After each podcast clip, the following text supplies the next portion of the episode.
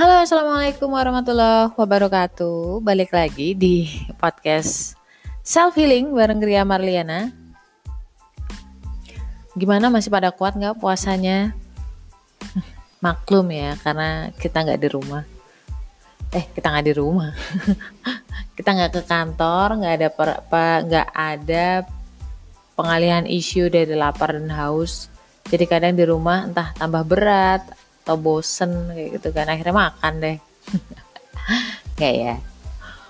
Aku sih percaya kalian-kalian pada tuh imannya kuat kok gitu. So guys kali ini aku bakal ngangkat tema tentang pacaran. Waduh berat nih. Jadi lagi trending di Twitter. Ini jam berapa sih? Jam 1 siang tanggal 30 April 2020 lagi trending Indonesia tanpa pacaran jadi ada satu gerakan di mana dia akan menghapuskan komunitas-komunitas atau orang-orang yang gemar berpacaran gitu di tahun baru uh, targetnya tahun 2024 dan apa tadi ngomong apa ya? Ya pokoknya itulah. Cuman harus uh, mendirikan khalifah dulu atau gimana aku nggak ngerti aku nggak terlalu ini ya nggak terlalu concern di masalah itunya cuman aku nonton komen komennya netizen di sini terus terang sih. Aku lebih tertarik ke situ dibanding sama uh, isi beritanya. So ada satu yang uh, apa namanya? Ada satu komen uh, uh, jadi dia kita lanjut ke soal ta'aruf. Jadi kalau nggak pacaran maka kita akan ta'aruf gitu kan. Dengan ta'aruf terus ada juga yang membantah Allah ta'aruf juga uh, kejelekan pasangan nggak akan kita ketahui gitu loh. Nanti setelah nikah juga baru tahu. Nah ini yang bakal aku omongin nanti. Uh, judul podcast kali ini adalah pacaran atau ta'aruf. Sama aja nggak sih? Yeah. So guys, buat kamu-kamu yang mungkin lagi kesepian, lagi sendirian, gak usah sedih. Semua orang juga pasti sendirian, semua orang punya jodohnya masing-masing. Ditunggu aja gitu. Pantaskan diri dulu. Loh, kenapa mau pamitan? Jangan ke mana-mana, tetap stay tune di sini. Jangan lupa follow podcast aku. Jangan lupa follow Instagram aku Diri Amarliana87 dan juga at karakter cinta Goldar aku bakal kembali insya Allah sesaat setelah pesan-pesan berikut ini.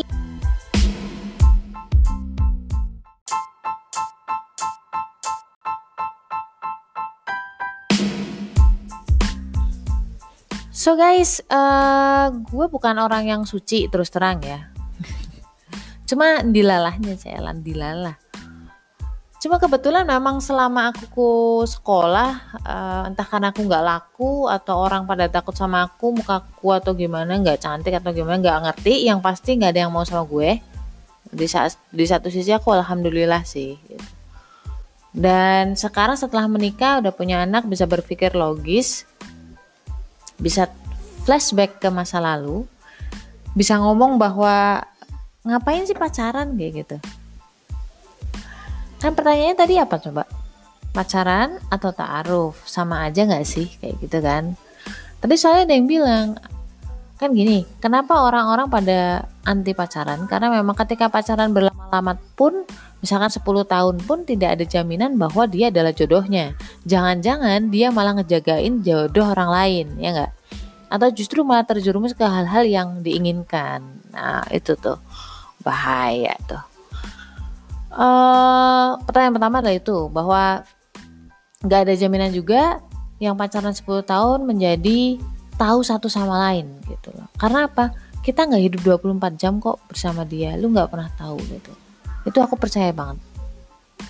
Karena namanya pacaran sedekat-dekatnya temen, ketika dia belum serumah, belum menjadi satu, maaf ya, belum belum melakukan hubungan badan, itu nggak akan ketahuan kok watak-watak aslinya itu akan ketahuan setelah menikah. Betul betul banget gitu jadi mau sedekat apa pun kamu se se apa ya maaf ya semesum mesumnya kalian selama pacaran tetapi belum pernah menikah itu nggak akan ketahuan aslinya dia kayak apa serigalanya dia kayak apa belum ketahuan. Akan ketahuan nanti gitu pun sama dengan diri kita akan ketahuan juga sih sikap dan sifat kita itu nanti juga setelah kita menikah dan menjadi satu. Itu udah nggak ada sekat lagi tuh jadi di sini bahwa lu mau pacaran mau enggak itu sama-sama kita nggak akan tahu uh, busuk-busuknya pasangan kita dan juga sebaliknya. Jadi nggak usah kepedean bahwa yang busuk itu adalah pasangan kamu doang kita juga busuk gitu. Jangan kepedean. So PR-nya bukan itu. Nah sekarang orang mulai beralih atau mulai me menggaungkan istilah ta'aruf. Ya uh, apa ya kayak dikenalin oleh orang lain, ta'aruf, nanya-nanya kayak gitu-gitu. Yang salah adalah orang berpacaran mesra-mesraan di WhatsApp nggak pernah ketemu sih. Mesra-mesraan di WhatsApp jangan lupa tahajud ya kayak gitu-gitu. Jadi pendekatan tetapi nggak secara fisik pendekatan secara telepon aja atau video call aja atau WhatsApp, chatting, medsos, something like that lah ya. Ya sebenarnya cuma berdua doang gitu pendekatan, tetapi uh, dengan cara yang nggak secara fisik, tetapi secara batin sama-sama bikin baper, bisa bikin baper atau ada maksud tertentu. Itu mereka sebut sebagai taruh, Enggak juga salah, main itu juga salah. Itu sama aja pacaran versi syariah, nggak ada ya. jadi itu sama aja kayak pacaran sama-sama bikin uh, si dia tertarik sama kita mencoba untuk membuat kita berada dalam angan-angan dia kayak gitu gitu itu sama aja. Mau caranya atau istilahnya taaruf kek pacaran syari kek apa pun itu lah tapi yang pasti uh, membuat kita akan menjadi dominan perasaan. Gitu loh. Baper lah istilahnya jam sekarang. Dan kalau orang udah baper men kita kadang nggak bisa mikir secara logika. Nah itu justru yang kita hindari adalah kita nggak bisa berpikir secara logika karena terlalu dominan perasaan tadi gitu loh. Terlalu berharap sama orang. Apa pun istilahnya. Nah sedangkan ta'aruf yang sesungguhnya adalah kita tuh udah mau sama itu tuh gitu. Ya kan? Di logika kita ngelihat bahwa oh soleh nih gitu. Oh, oh solehah nih misalkan. Terus kita mau nanya nanyanya jangan ke orangnya verifikasi itu nih ya gue ceritain ya namanya verifikasi dulu gue pernah jadi analis kredit kita dikasih data sama si pemohon kredit. Verifikasinya apakah kita bertanya sama orang yang ngajuin? Enggak. Kita nanyanya itu ke suppliernya dia ke pembelinya dia apakah benar?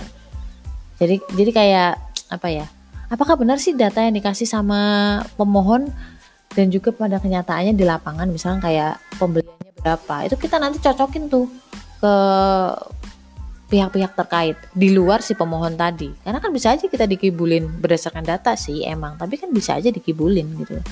Kita verifikasi ke pihak ketiga bukan pihak pemohon. Sama seperti halnya ta'aruf. Itu kan sama kayak kita mau ngasih kepercayaan kita ke orangnya. Yang menjadi pasangan hidup lah.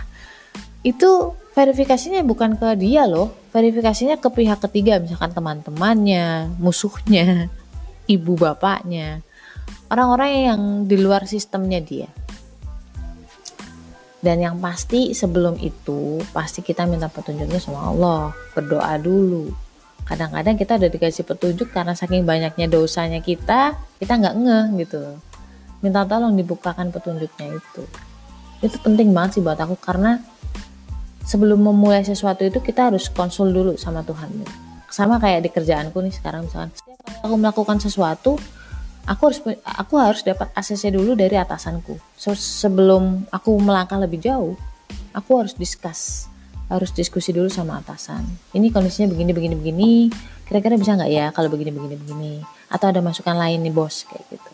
Sama juga harusnya kita ke Tuhan apalagi pernikahan. Uh, tujuannya adalah separuh agama. Kita akan menghabiskan separuh sisa hidup kita bersama orang lain gitu. lo yakin loh gitu. itu sih sebenarnya. Jadi Indian kan kita mau bareng nih, mau pacaran kayak mau taruh kayak goalnya adalah kita menikah dan jangan sampai menikah dengan orang yang salah. Itu kan gitu loh. Itu juga pernah juga aku ditanya sama temanku gitu. Uh, ya terus gimana mbak gitu uh, apa namanya tipsnya kalau udah menikah itu apa sih gitu. Cariin deh ntar. Tapi sebelum aku cariin aku cariin uh, percakapan aku ya kalau belum hilang nih. Itu kalian dengerin dulu pesan-pesan berikut ini